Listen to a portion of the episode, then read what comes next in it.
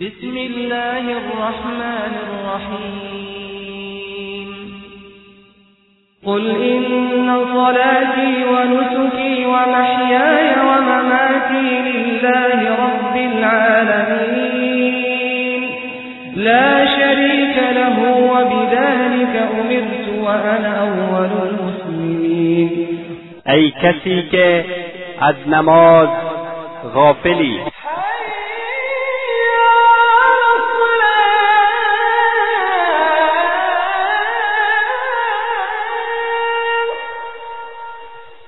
ای کسی که از نماز غافلی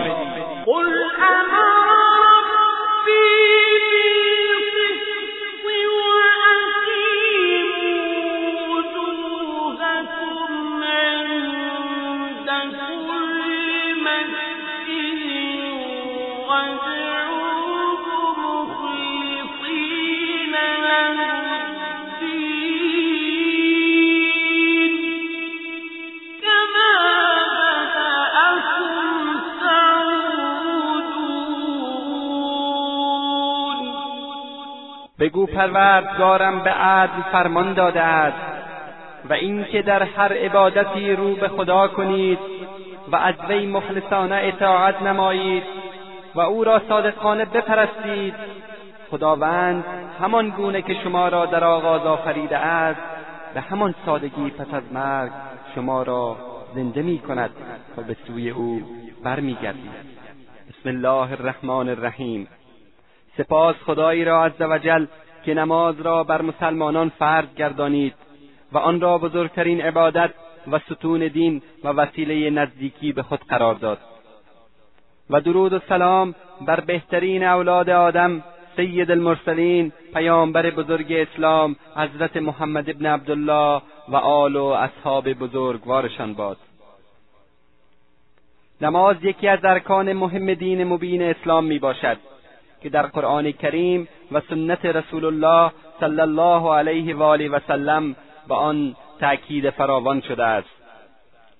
اما چه بسا انسانهایی که امور دنیا آنها را از توجه به روز آخرت باز داشته است و به نماز اهمیت قائل نیستند و در پی شهوات دنیا سرگردانند اوامر الهی را ندیده می‌گیرند و از ذکر خدای جل جلاله غافلند.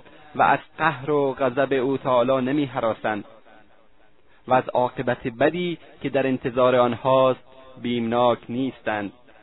الله سبحانه و تعالی میفرماید استحوذ عليهم الشيطان فأنساهم ذكر الله. أولئك حزب الشيطان إن حزب الشيطان هم الخاسرون. شیطان بر آنان چیره گشته است و یاد خدا را از خاطرشان برده است. اینان حزب شیطان هستند. آگاه باشید قطعا حزب شیطان زیانکار و زیانبارند. در حالی که الله سبحانه و تعالی به آنها صحت و امن و رزق و روزی فراوان نصیب فرموده است اما ایشان در مقابل به جای شکر و اطاعت از باری تعالی کفران نعمت می‌کنند. وای به حال این انسان که چگونه جرأت می نماید در مقابل خالق و رازق خود سرپیچی و نافرمانی کند؟ آیا نمی‌داند که همه انسانهای روی زمین در مقابل خدای تبارک و تعالی بندگان فقیر محتاج و خار و ذلیلند. خداوند تبارک و تعالی به همه ما توفیق اطاعت و عبادت نصیب نماید. این موضوع مهم را به همه برادران و خواهران مسلمان خود هدیه می کنم تا باشد که غافلی به خود آید و یا گمراهی به کمک خدای قادر و توانا راهیاب شود. در قرآن کریم آیات متعددی درباره نماز وجود دارد که خداوند تبارک و تعالی در آن مسلمانان را به این عبادت بزرگ امر فرموده است خداوند تبارک و تعالی میفرماید فأقیموا الصلاة إن الصلاة كانت على المؤمنين كتابا موقوتا. برپا دارید نماز را همانا نماز بر مؤمنان در وقتش فرض کرده شده است. و در جای دیگر میفرماید منیبین الیه واتقوه واقیموا الصلاة ولا تكونوا من المشرکین. ای مردم رو به خدا کنید با توبه و اخلاص در عمل. به سوی خدا برگشته و از خشم و عذاب او بپرهیزید و نماز را برپا دارید. و از مشرکان نباشید. و در آیه 43 سوره بقره آمده است و اقیموا الصلاة و آتوا الزکاة وارکعوا مع الراکعین و نماز را برپا دارید و زکات را بپردازید و با نمازگزاران به صورت جماعت نماز بخوانید. وأن أقيموا الصلاة واتقوه وهو الذي إليه تحشرون. و از سوی خدا به ما دستور داده شده است اینکه نماز را به گونه شایسته بخوانید و از خدا بترسید و اوست که در پیشگاهش گرد آورده می‌شوید و حساب و کتاب پس می‌دهید.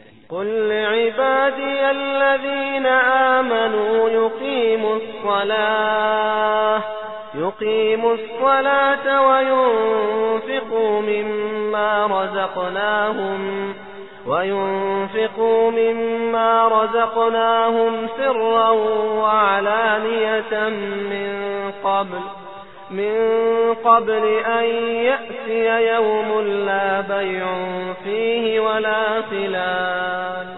ای محمد بگو به بندگان مؤمن من باید نماز را به گونه شایسته بخوانند و از آنچه برایشان دادهام مقداری را در پنهان و آشکار ببخشند پیش از آنکه روزی فرا رسد که در آن معامله و دوستی نیست.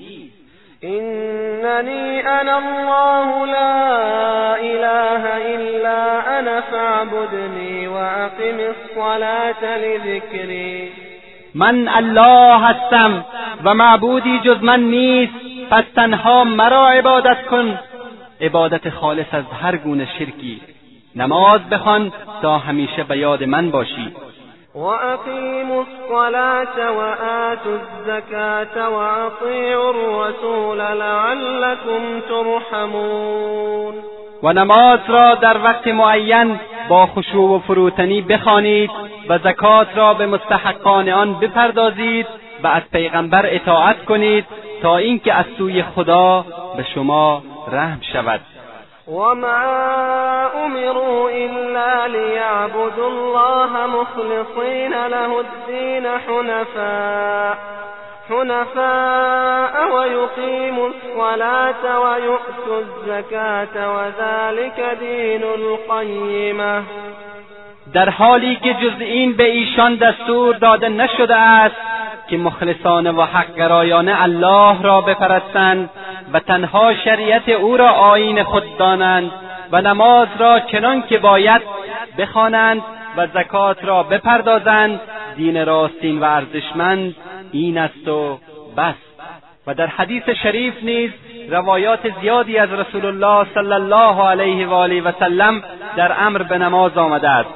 نمونههایی از آن را برایتان ذکر می نماییم از ابن عمر رضی الله تعالی عنهما روایت شده که رسول الله صلی الله علیه و آله و سلم فرمودند به من دستور داده شده که با مردم بجنگم تا اینکه گواهی دهند به اینکه بغیر از الله معبودی بر حق نیست و همانا محمد رسول خداست و نماز را برپا دارند و زکات را بدهند اگر این اعمال را انجام دادند جان و مالشان محفوظ خواهد شد مگر به حق اسلام و حسابشان بر خدا می باشد.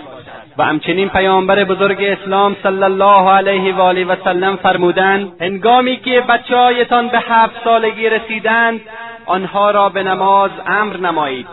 و چون به ده سالگی رسیدند و نماز نخواندند آنها را بزنید و خوابگاهشان را جدا کنید.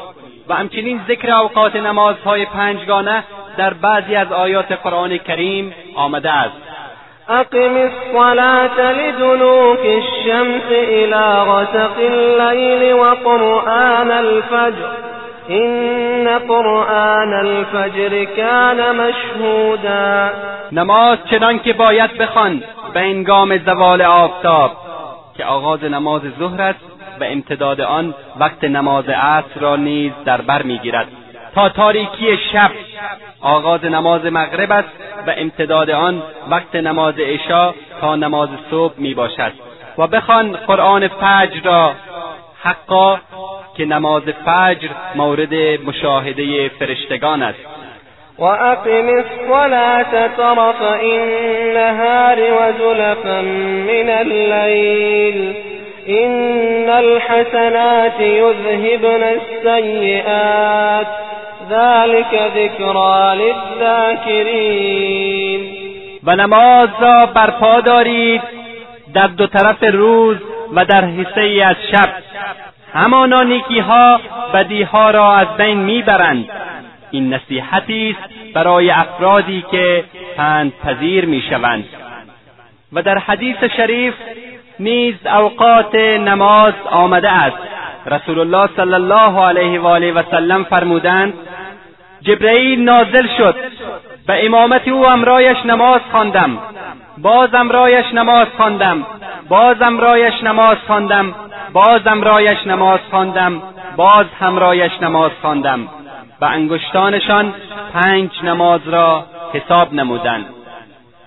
و هنگامی که رسول الله صلی الله علیه و آله و سلم معاذ ابن جبل رضی الله تعالی عنه را به یمن فرستادند به او فرمودند آنها را دعوت کن تا گواهی دهند که معبودی بر حق جز الله نیست و اینکه من بنده و فرستاده خدا می باشم.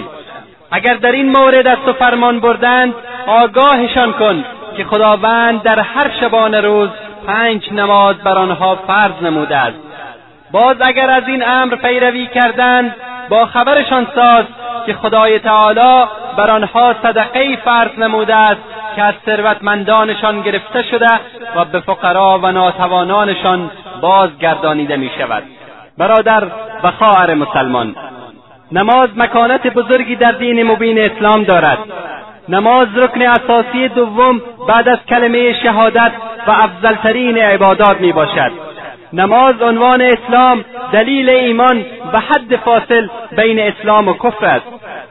روز محشر نخستین سوال از نماز می شود و نماز در حضر و سفر بیماری و تندرستی امنیت یا خوف پیری یا جوانی معاف نمی گردد. حضرت عبدالله ابن مسعود رضی الله تعالی عنه از رسول الله صلی الله علیه و آله و سلم روایت نمودند که ایشان فرمودند دین ندارد کسی که نماز نمی‌خواند.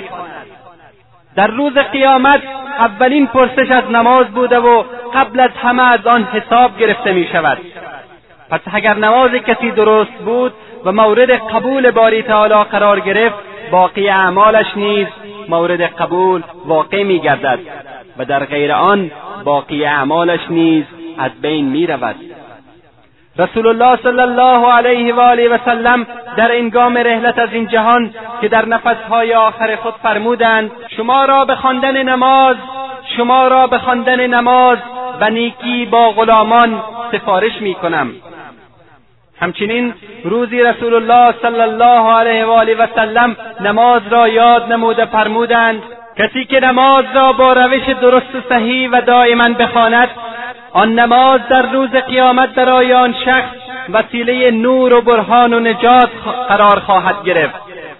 و کسی که بر نمازش محافظت ننماید برای او در روز قیامت وسیله نور و برهان و نجات نخواهد بود. و در روز قیامت همراه با قارون فرعون هامان و ابی ابن خلف حشر خواهد شد. به دلیل اهمیتی که نماز دارد روایات زیادی در مورد کافر شدن ترک کننده نماز آمده است.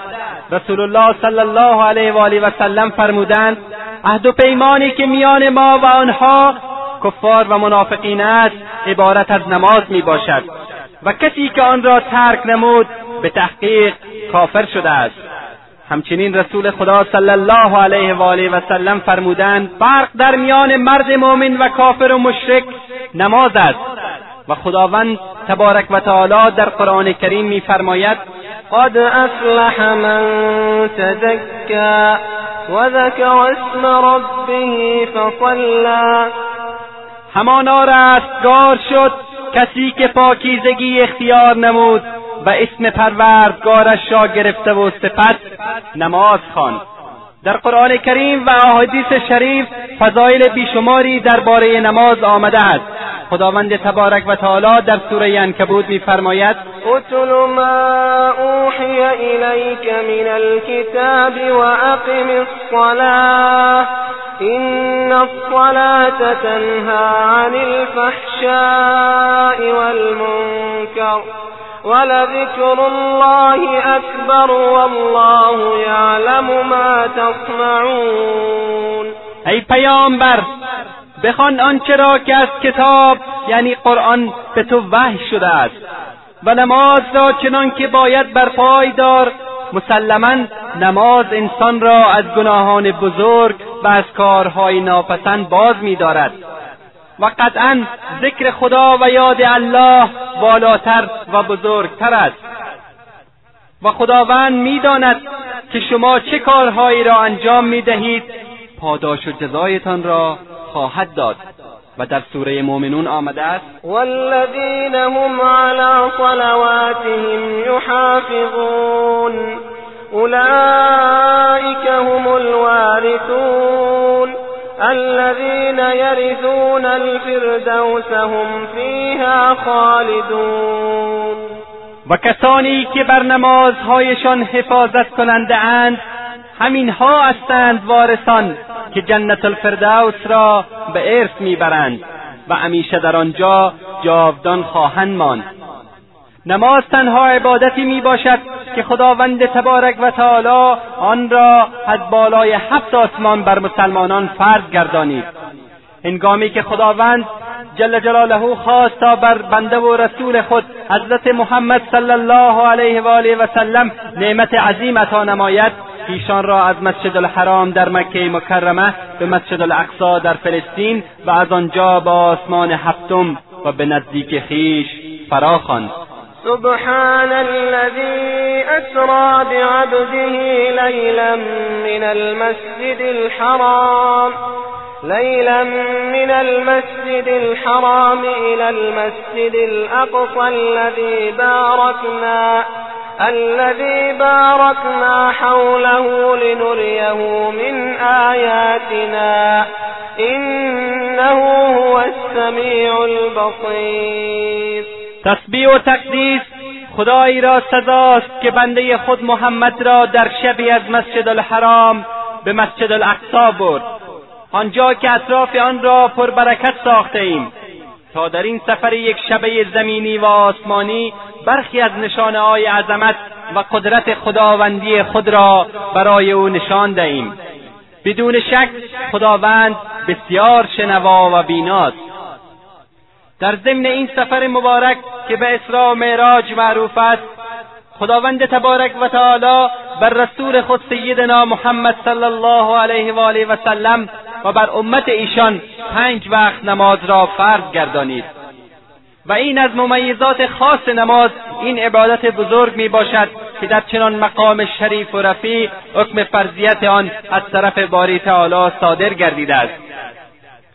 دلیل دیگری که حاکی از فضیلت و برتری شعن نماز می باشد این است که نسبت به همه فرایض بیشتر در قرآن کریم ذکر آن آمده است. و در جایی که امرای دیگر فرایض ذکر گردیده قبل از همه ذکر نماز بوده است. چنانکه باری تعالی میفرماید الذين إن مكناهم في الأرض أقاموا الصلاة وآتوا الزكاة أقاموا الصلاة وآتوا الزكاة وأمروا بالمعروف ونهوا عن المنكر ولله عاقبة الأمور. آن مؤمنانی که خدا بر ایشان وعده یاری و پیروزی داده است کسانی هستند که هرگاه در زمین ایشان را قدرت بخشیم نماز را برپا میدارند و زکات را می‌پردازند و امر به معروف و نهی از منکر می نمایند و سرانجام همه کارها به خدا برمیگردد. هر کسی که نماز را ترک نماید خداوند تبارک و تعالی از او عبادتهای دیگر مانند روزه حج صدقه جهاد امر به معروف و نهی از منکر را نمیپذیرد. بدین ترتیب نماز بر همه عبادات برتری دارد. نماز سرآغاز و فاتحه خیری است که مؤمنان روز خود را به وسیله آن شروع نموده و شب خود را به وسیله آن به پایان میرسانند. نماز نشانه تمیز و علامت بارز مؤمنان رستگار می باشد خداوند تبارک و تعالی میفرماید قد افلح المؤمنون الذين هم في صلاتهم خاشعون. مسلما مؤمنان پیروز و رستگارند. آنها کسانی اند که در نمازشان فروتنند. نماز رابطه مستقیم بین بنده و پروردگار اوست. نماز مناجات بین مخلوق و خالق می باشد. نماز لذت بخش دلها نزدیکی و اونس با رب العالمین است. نماز سبب نور در چهره و اصلاح در قلب می باشد. نماز قلب را پاک نموده و گناهان را میزداید و انسان مؤمن را از گناهان کبیره و صغیره و اعمال زشت و حرام باز میدارد. خداوند تبارک و تعالی میفرماید اتل ما اوحی الیک من الكتاب واقم الصلاه ان الصلاه تنهى عن الفحشاء والمنكر ولذكر الله اکبر والله یعلم ما تصنعون. ای پیامبر بخوان آنچه را که از کتاب به تو وحی شده است و نماز را چنان که باید بر پای دار مسلما نماز انسان را از گناهان بزرگ و از کارهای ناپسند باز می‌دارد. و قطعا ذکر خدا و یاد الله از هر چیز دیگری بالاتر و بزرگتر است. و خداوند می‌داند که شما چه کارهایی را انجام می‌دهید. پاداش و جزایتان را خواهد داد. ای برادر و خواهر مسلمان بدانید که نماز خنکی چشمان مؤمنان و مقام والایی برای متقین و رکن اساسی دین می باشد امیر مؤمنان حضرت فاروق عمر ابن خطاب رضی الله تعالی عنه فرمودند کسی که نماز را ترک کند از اسلام هیچ نصیبی برایش نیست. اصحاب رسول خدا صلی الله علیه و آله و سلم ترک نماز را کفر می‌دانستند و اگر به تکبیر احرام تکبیر اول در نماز جماعت نمی رسیدند بی اندازه ناراحت و غمگین میگشتند. اما تو ای کسی که از نماز غافلی چگونه جرأت می نمایی که درباره این عبادت بزرگ سهلنگار باشی؟ و یا در ادای آن کوتاهی نمایی؟ و یا آن را به شکل صحیح و در وقت مقرر ادا نمی نمایی مگر نمیدانی که نماز فرق بین کافر و مسلمان می باشد مگر نمیدانی که نماز قلب را روشن و چهره را نورانی نموده و گناه و خطا را میزداید؟ در حدیثی که بخاری از حضرت ابو هریره رضی الله تعالی عنه روایت نموده است رسول خدا صلی الله علیه و آله و سلم فرمودند خبر دهید مرا اگر به در منزل شخصی از شما نهری جاری باشد و آن شخص هر روز پنج مرتبه در آن غسل کند آیا بر بدنش چرکی باقی میماند؟ اصحاب کرام گفتند خیر هیچ چرکی باقی نمیماند. آن حضرت صلی الله علیه و آله و سلم فرمودند همچنین است مثال نمازهای پنجگانه. الله سبحانه و تعالی به وسیله آنها گناهان را معاف خواهد کرد. ای کسی که از نماز غافلی آیا دیده ای که برادران مؤمنت در شب و روز در گرمی و سردی در تاریکی و روشنی به سوی مسجد می شتابند تا نماز بگذارند؟ و هیچ چیزی آنها را از این راه باز نمیدارد. نه ظلمت و تاریکی نه گرمی و سردی و نه کارهای بیهوده دنیا و نه مصروفیتهای روزگار و زندگی. رسول الله صلی الله علیه و آله و سلم بشارت دادند که آنانی را که در تاریکی ها به مساجد می‌روند به نور کاملی در روز قیامت مژده دهید. آنها مؤمنان رستگار در نماز خود خاشی و فروتنند و انگامی که به نماز برخیزند به سوی پروردگار خود با جان و دل روی آورند و به مقام سجدگاه خود بنگرند و غیر از یاد پروردگار همه چیز را از یاد ببرند. ای کسی که از نماز غافلی آنگاه که منادی حق مردم را به سوی نماز می‌خواند و مؤمنان رستگار رو به درگاه حق تعالی میآورند تو در کجایی؟ آیا نمیدانی که کسالت و تنبلی و بیتوجهی در نماز از صفات منافقان می باشد خداوند تبارک و تعالی میفرماید إن المنافقين يخادعون الله وهو خادعهم. وإذا قاموا إلى الصلاة قاموا كسى لا يراءون الناس ولا يذكرون الله إلا قليلا. یقینا منافقان میپندارند که خدا را فریب میدهند در حالی که خداوند سزای فریب ایشان را میدهد. منافقان انگامی که برای نماز برمیخیزند سست و بیحال به نماز میایستند و با مردم ریا می‌کنند. یعنی نمازشان به خاطر مردم است نه به خاطر خدا. و خدا را کمتر یاد می‌کنند و جز اندکی به عبادت او نمی‌پردازند. مگر این وعده پروردگارتان را نشنیده اید که میفرماید ما سلككم في سقر. قالوا لم نك من المصلين. چه چیزهایی شما را به دوزخ کشانده است و بدان انداخته است؟ می‌گویند در دنیا از جمله نمازگزاران نبودیم. ای کسی که از نماز غافلی ای کسی که نماز را کاملا ترک نموده یا در ادای آن سهلنگاری می نمایی یا آن را به جماعت ادا نمی کنی بشتاب به سوی توبه قبل از آنکه عجلت فرا رسد و نامه اعمال تو را ببندند و آنگاه کار از کار بگذرد و فرصت از دست برود.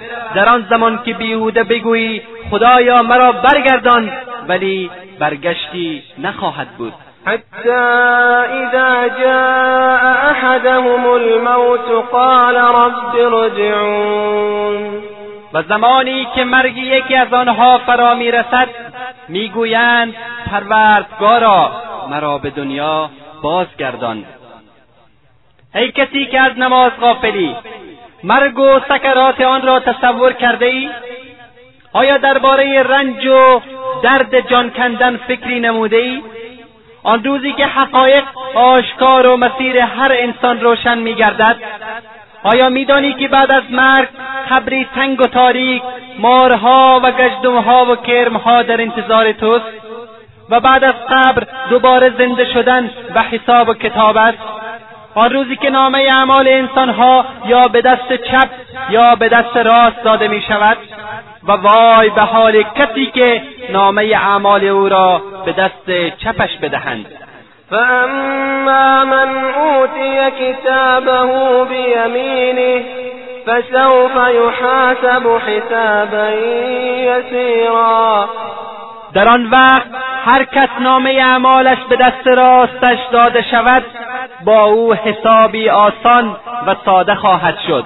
و اما من اوتی کتابه بشماله فیقول فيقول يا ليتني لم أوت كتابيه ولم أدر ما حسابيه.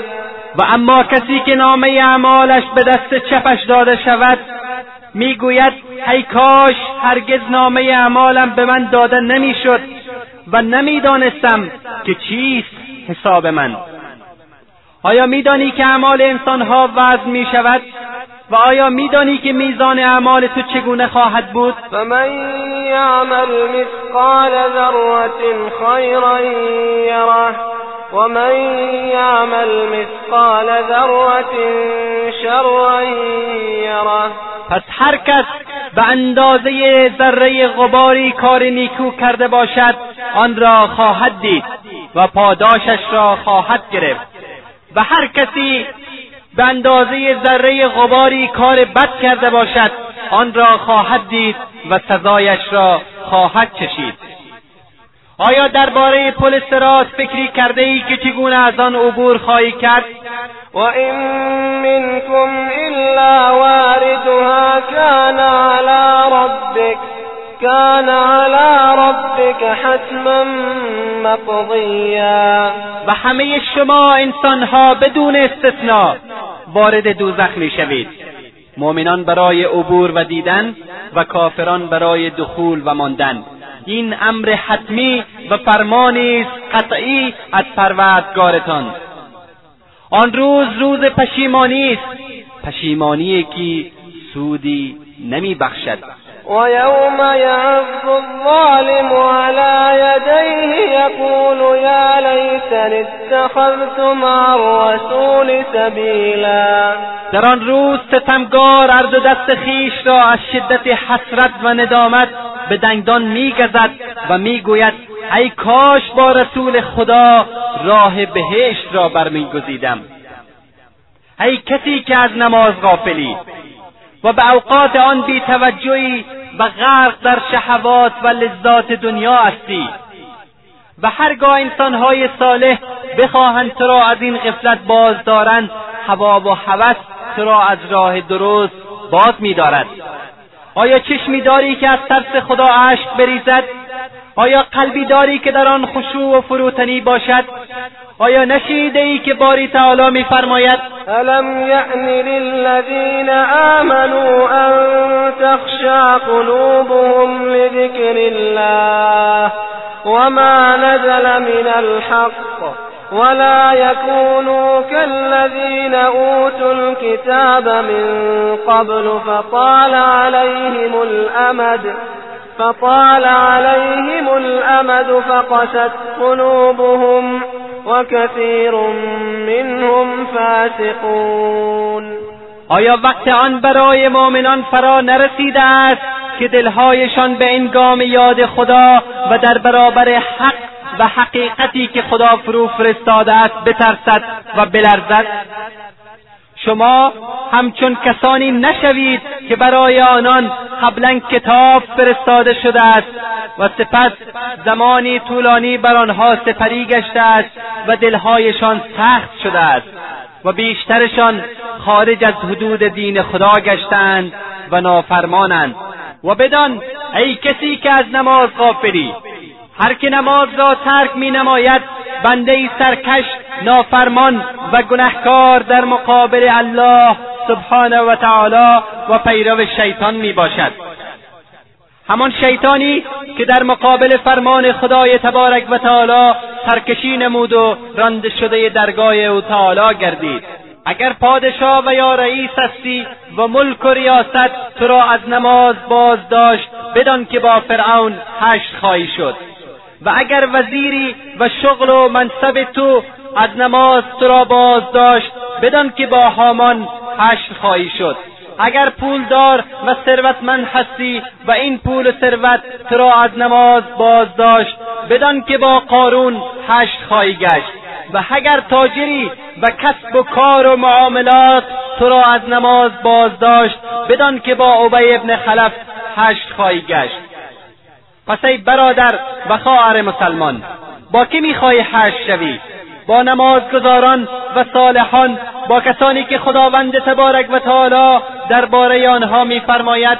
ومن يطع الله والرسول فأولئك مع الذين فأولئك مع الذين أنعم الله عليهم من النبيين والصديقين.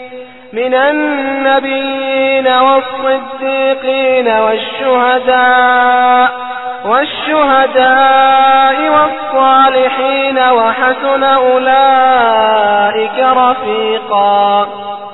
و کسی که از خدا و پیامبر با تسلیم در برابر فرمان آنان و رضا به حکم ایشان اطاعت کند او در روز رستاخیز به بهشت رود و همراه وی همنشین کسانی خواهند بود که مقربان درگاهند و خداوند به دیشان نعمت هدایت داده است و مشمول الطاف خود نموده است و بزرگواری خیش را بر آنان تمام کرده است. آن مقربان که با او همدمشان خواهد بود عبارتند از پیامبران و راستروان و یعنی راستگویان کسانی که پیامبران را تصدیق کردند و برای آنان رفتند و شهیدان و شایستگان و نیکوکاران و آنان چه اندازه دوستان خوبی هستند. یا با منافقان و مجرمان کسانی که خداوند تبارک و تعالی درباره آنان میفرماید الذين هم عن صلاتهم ساهون. همان کسانی که نماز خود را به دست فراموشی می سپارند آنانی که و اذا قیل لهم ارکعوا لا یرکعون وقتی برای آنان گفته می شود خم شوید به پیش خدا خم نمی شوند. و عاقبت آنها. ونسوق المجرمین الى جهنم وردا. و گنهکاران را تشنکام به سوی جهنم میرانیم و بدانجا داخل میگردانیم. ببین ای برادر و خواهر مسلمان. ببین که چگونه خداوند تبارک و تعالی حال اهل جنت را بیان می نماید که در جنت و در بین نعمتها و لذتهای آن زندگی می کنند و خداوند تبارک و تعالی اهل دوزخ و حالت آنها را به ایشان می نماید در آن حال اهل جنت از اهل دوزخ آنهایی که در جهنم به سر می‌برند می‌پرسند ما سلککم فی سقر؟ چه چیزهایی شما را به دوزخ کشانده است و بدان انداخته است؟ یعنی اهل جنت از آنها می‌پرسند که چه چیز سبب شده که شما گرفتار این عذاب باشید. آنها جواب میدند قالوا لم نک من المصلین می‌گویند در دنیا از جمله نمازگزاران نبوده ایم. آری آن گروهی که در این عذاب سخت گرفتارند از ذکر خدا روگردان بودند. دنیا را در عیش و عشرت به سر بردند. و از آخرت غافل شدند و در حالی از دنیا رفتند که اطاعت پروردگار خود را نمی کردند زیرا که از خدای خود نمی ترسیدند و متکبر و سرکش بودند. پس جزای آنها این است که در آن روز بر روی خود افتاده و کشان کشان آنها را به سوی آتش ببرند. یوم یسحبون فی النار علی وجوههم. فی النار علی وجوههم ذوقوا مس سقر. روزی که کشیده شوند در آتش بر روحهایشان. روی زمین کشیده می‌شوند و گفته شود به ایشان بچشید مزه رسیدن آتش را. ای کسی که از نماز غافلی ای کسی که دنیا و لذتها و شهوات زود گذر آن تو را مغرور کرده است. و نمی‌خواهی در مقابل خالقت و پروردگارت سر به سجده بگذاری. تو را به خدا نفس و وجدان تو آرام است. و آیا از آتش دوزخ نمیاراسی آیا از عاقبت بدی که بعد از حساب و کتاب در انتظار توست نمیترسی؟ ای کسی که در قوت و غرور جوانی غرق هستی و ای کسی که مویت سفید شد و تا هنوز در غفلت به سر می‌بری؟ آیا نمیدانی که هر لحظه ممکن است عجلت فرا رسد و در آن وقت دفتر اعمالت را میبندند و دیگر تو را فرصتی نیست؟ ولكل أمة أجل فإذا جاء أجلهم لا يستأخرون ساعة ولا يستقدمون هر گروهی دارای مدت زمانی مشخص و معلوم است و هنگامی که زمان محدود آنها به سر رسید نه لحظه ای از آن تأخیر خواهند کرد و نه لحظه ای بر آنان پیشی می‌گیرند. این عامر ابن عبدالله رحمت الله علیه است که وقتی صدای حی علی الصلاح و حی علی الفلاح را میشنود در حالی که مریض است از فرزندانش می‌خواهد که او را به مسجد ببرند. فرزندانش می‌گویند که پدر تو مریض هستی و خداوند عذر مریض را میپذیرد. جواب می‌دهد حی علی الصلاح و حی علی الفلاح را بشنوم و جواب ندهم. نه والله باید مرا به مسجد ببرید. او را به مسجد بردند و در حالی که در نماز و در سجده بود خداوند روح او را قبض نمود. ای کسی که از نماز غافلی ای کسی که با ترک نماز به نفس خود ظلم نموده ای بیا و بشتاب و توبه نموده به سوی خدا برگرد قبل از اینکه گرفتار فتنه ها گردی. از حضرت ابو هریره رضی الله تعالی عنه روایت است که رسول خدا صلی الله علیه و آله و سلم فرمودند بشتابید به انجام اعمال صالحه پیش از آن که فتنه آیی ظاهر شود مانند پاره های شب تاریک که شخص صبح مؤمن است و هنگام شام کافر می شود و شب مؤمن و صبح کافر می گردد دین خود را در برابر متاع کمی از دنیا می فروشد برادر و خواهر مسلمان در انتظار چه هستی؟ در انتظار فقری که برایت بدبختی و فراموشی آورد؟ و یا ثروتی که تو را به تقیان وادارد؟ یا مرضی که تو را از پای درآورد؟ و یا پیری که تو را زمین گیر سازد یا اجلی که در هر لحظه فرا رسیدنی است یا در انتظار قیامت هستی که بل الساعت موعدهم والساعت ادها و امر بلکه موعدشان قیامت است و قیامت بلای آن عظیمتر و تلختر از کشتن و اسارت این جهانی برای ایشان می باشد برادر و خواهر مسلمان. آیا جنت را دوست نداری؟ بدون شک همه مسلمانان جنت را دوست دارند. ولی برای به دست آوردن جنت چه کرده ایم؟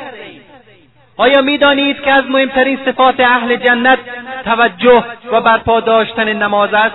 خداوند تبارک و تعالی میفرماید والذین هم على صلواتهم یحافظون. اولئک هم الوارثون.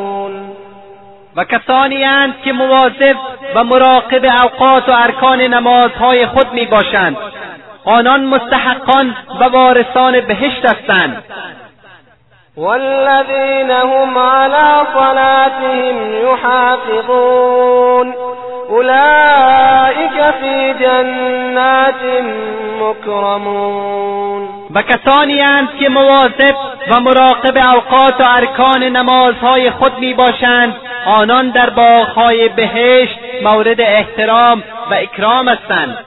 إن الذين آمنوا وعملوا الصالحات وأقاموا الصلاة وآتوا الزكاة لهم أجرهم لهم أجرهم عند ربهم ولا خوف عليهم ولا هم يحزنون یقینا کسانی که ایمان بیاورند و کار شایسته انجام بدهند و نماز را چنان که باید برپای دارند و زکات را بپردازند مزدشان نزد پروردگارشان است نه بیمی بر آنان است و نه اندوهگین می‌شوند برادر و خواهر مسلمان آیا از عذاب جهنم و قهر خداوند جبار نمی حراسی؟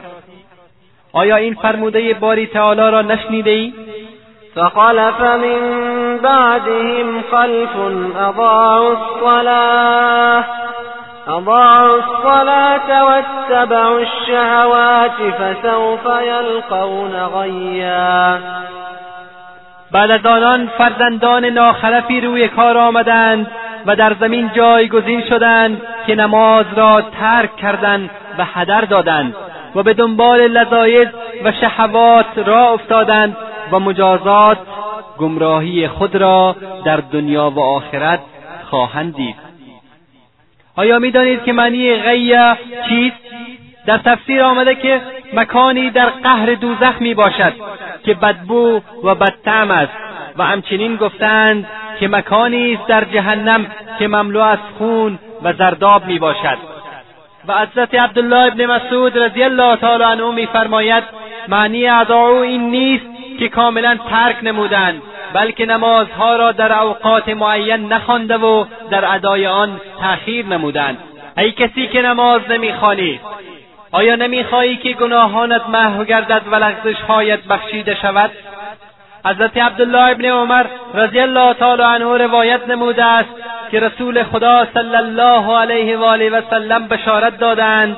هرگاه بنده ای به نماز ایستاده شود گناهانش بر بالای سر و شانهاش آورده می شود و هر رکوع و سجده ای که می کند گناهان از او می ریزد و پاک می شود هی کسی که از نماز غافلی آیا نمیدانی که نماز گذار در پناه و حفظ خداوند تبارک و تعالی می باشد؟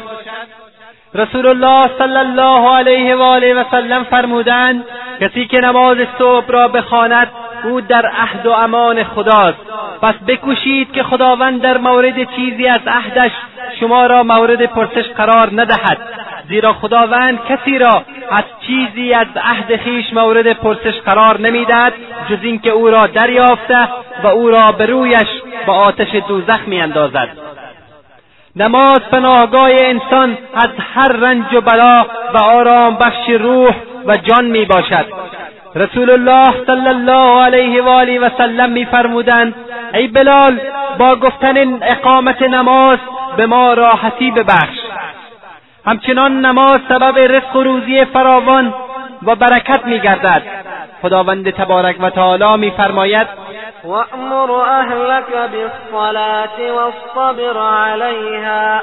لا نسألك رزقا نحن نرزقك والعاقبة للتقوى. خانواده خود را به نماز دستور بده و خود نیز بر اقامه آن ثابت و ماندگار باش. ما از تو روزی نمی‌خواهیم بلکه ما به تو روزی می‌دهیم. سرانجام نیک و ستوده از آن اهل تقوا و پرهیزگاری است. نماز رابطه و وسیله نزدیکی به الله جل جلاله می باشد. کسی که به نماز می ایستد در حقیقت در مقابل رب العزت والجلال ایستاده و با او تعالی مناجات می کند. رکوع می کند به خضوع و سجده می نماید به خشوع و فروتنی و بیشتر به پروردگار خود نزدیک می شود. خداوند تبارک و تعالی میفرماید واسجد واقترب سجده کن و نزدیک شو. یعنی به نماز خواندن خود ادامه بده. در برابر آفریدگار خیش بدین وسیله به پروردگار خیش نزدیک می‌شوی. و خداوند سبحانه و تعالی در ستایش اسماعیل علیه السلام میفرماید وكان يأمر أهله بالصلاة والزكاة وكان عند ربه مرضيا. او انواره خانواده خود را به اقامه نماز و دادن زکات دستور می‌داد و در پیش پروردگارش مورد رضایت بود. همچنین نماز در اوقات شدت و مشکلات و مصائب کمک و راحتی قلب برای مؤمنان می باشد واستعینوا بالصبر والصلاة وإنها لكبيرة إلا على الخاشعين. و از خدا به صبر و تحمل و نماز یاری جویید که نماز با حضور قلب امری بسیار دشوار است مگر برای خداپرستان که مشتاق نمازند با فروتنی. ای مسلمانان آیا می‌دانید حکم کسی که نماز نمی‌خواند و از دنیا می‌رود چیست؟ بعضی از اهل علم فرمودند که نباید شسته شود و نه کفن شود و نه بر او نماز جنازه خوانده شود و نه در قبرستان مسلمانان دفن گردد. پس با او چه باید کرد؟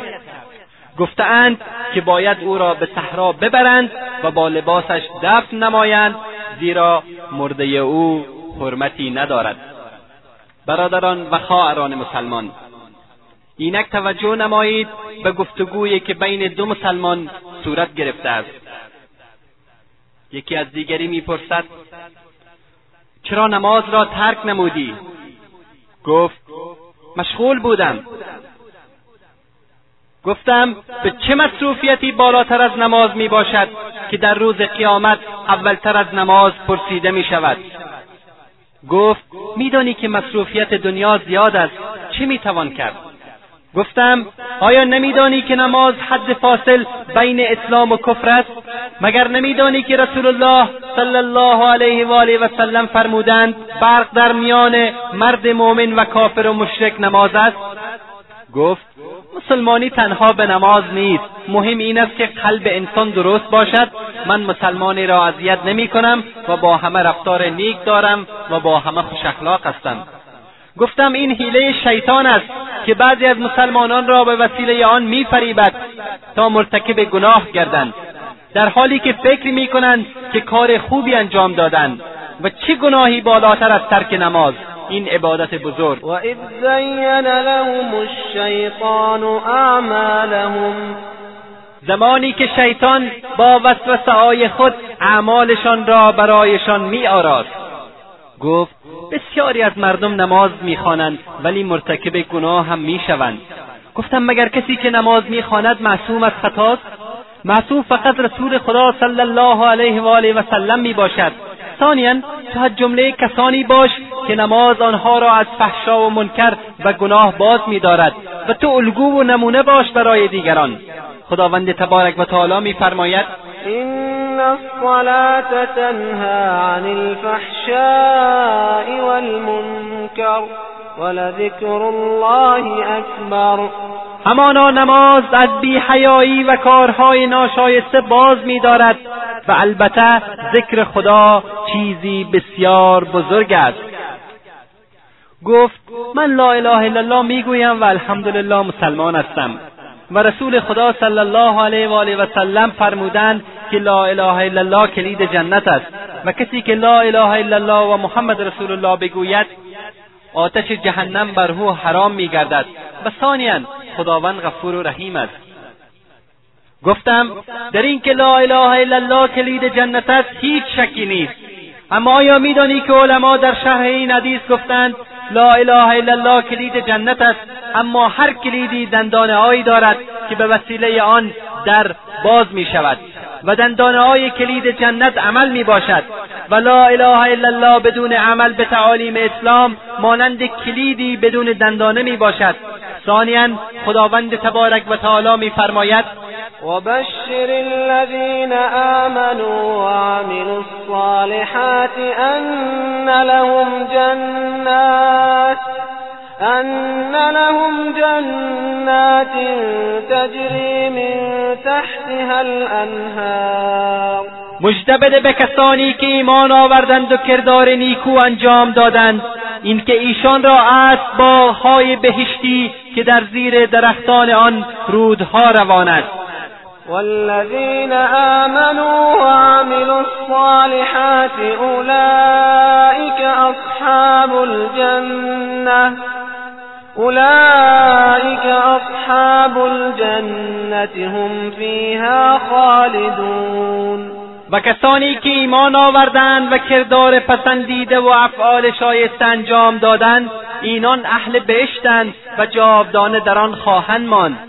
إن الذين آمنوا وعملوا الصالحات وأقاموا الصلاة وآتوا الزكاة لهم لهم أجرهم عند ربهم ولا خوف عليهم ولا هم يحزنون. بیگمان کسانی که ایمان بیاورند و عمل شایسته انجام دهند و نماز را برپا دارند و زکات را بپردازند مزدشان نزد پروردگارشان است و نه بیمی بر آنهاست و نه اندوهگین می‌شوند. و دهها آیت دیگر در قرآن کریم موجود است که ایمان و عمل با هم ذکر گردیده است. همچنین الله سبحانه و تعالی میفرماید إن المنافقين يخادعون الله وهو خادعهم. وإذا قاموا إلى الصلاة قاموا كسالى. يراءون الناس ولا يذكرون الله إلا قليلا. یقینا منافقان میپندارند خدا را فریب می‌دهند. در حالی که خداوند سزای فریب ایشان را می‌دهد. منافقان انگامی که برای نماز برمیخیزند سست و بیحال به نماز میایستند. و با مردم ریا می‌کنند و نمازشان به خاطر مردم است نه به خاطر خدا. و خدا را کمتر یاد می‌کنند و جز اندکی به عبادت او نمی‌پردازند. ببین برادرم در این آیت بیان میگردد که یکی از صفات منافقین این است که به نماز میایستند به تنبلی و بیحالی. خداوند جل جلاله آنها را به قعر دوزخ وعده نموده است. پس حالت کسی که نماز را کاملا ترک نموده چه خواهد بود؟ به تو می‌گویم برادرم زندگی دنیا تو را نفریبد و مغرور نسازد. از نعمتهای علال دنیا حساب گرفته می شود و در مقابل حرام دنیا عذاب دردناک است. به نماز برخیز قبل از اینکه بگویی یقول یا لیتنی قدمت لحیاتی. خواهد گفت ای کاش برای زندگی خود خیرات و حسنات پیشا پیش میفرستادم. به نماز برخیز قبل از اینکه بگویی حتى إذا جاء أحدهم الموت قال رب رجعون و زمانی که مرگ یکی از آنها فرا می‌رسد می‌گوید پروردگارا مرا به دنیا بازگردان. به نماز برخیز و به سوی خدا برگرد و تسلیم فرمان او شو و از تعالیم او پیروی کن. قبل از اینکه بگویی أن تقول نفس يا حسرتا يا حسرتا على ما فرطت في جنب الله وإن كنت لمن الساخرين. پیش از اینکه بگوید نفسی دردا و حسرتا چه کوتاهی ها که در طاعات و عبادات خدا کردم. دریغا و افسوسا من از زمره مسخره کنندگان بودم. نماز بخوان تا از عذاب جهنم در امان باشی و در جنت به سلامتی درایی گفت دستت را بده. گفتم چرا؟ می‌خواهی بروی؟ گفت نه بلکه وعده میدم و عهد می‌کنم که هرگز نماز خود را ترک نکنم. پس ای برادر و خواهر مسلمان بشتاب به سوی جنتی که ارزان برابر آسمان ها و زمین است. از دیگران سبقت بجویید در کارهای نیک قبل از آن که روزی فرا رسد که یوم لا ینفع مال ولا بنون إلا من أتى الله بقلب سلیم. آن روزی که اموال و اولاد سودی نمیرساند بلکه تنها کسی که با دل سالم به پیشگاه خدا آمده باشد دلی که خالی از کفر و نفاق باشد.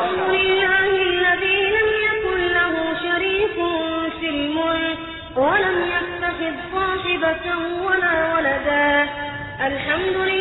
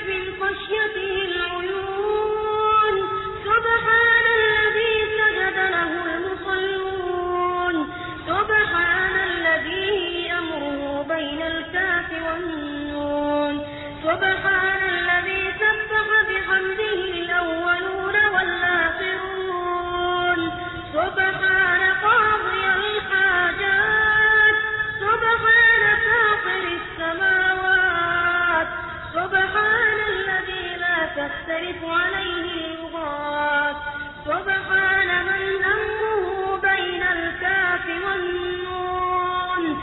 سبحان الذي في السماء عرشه. سبحان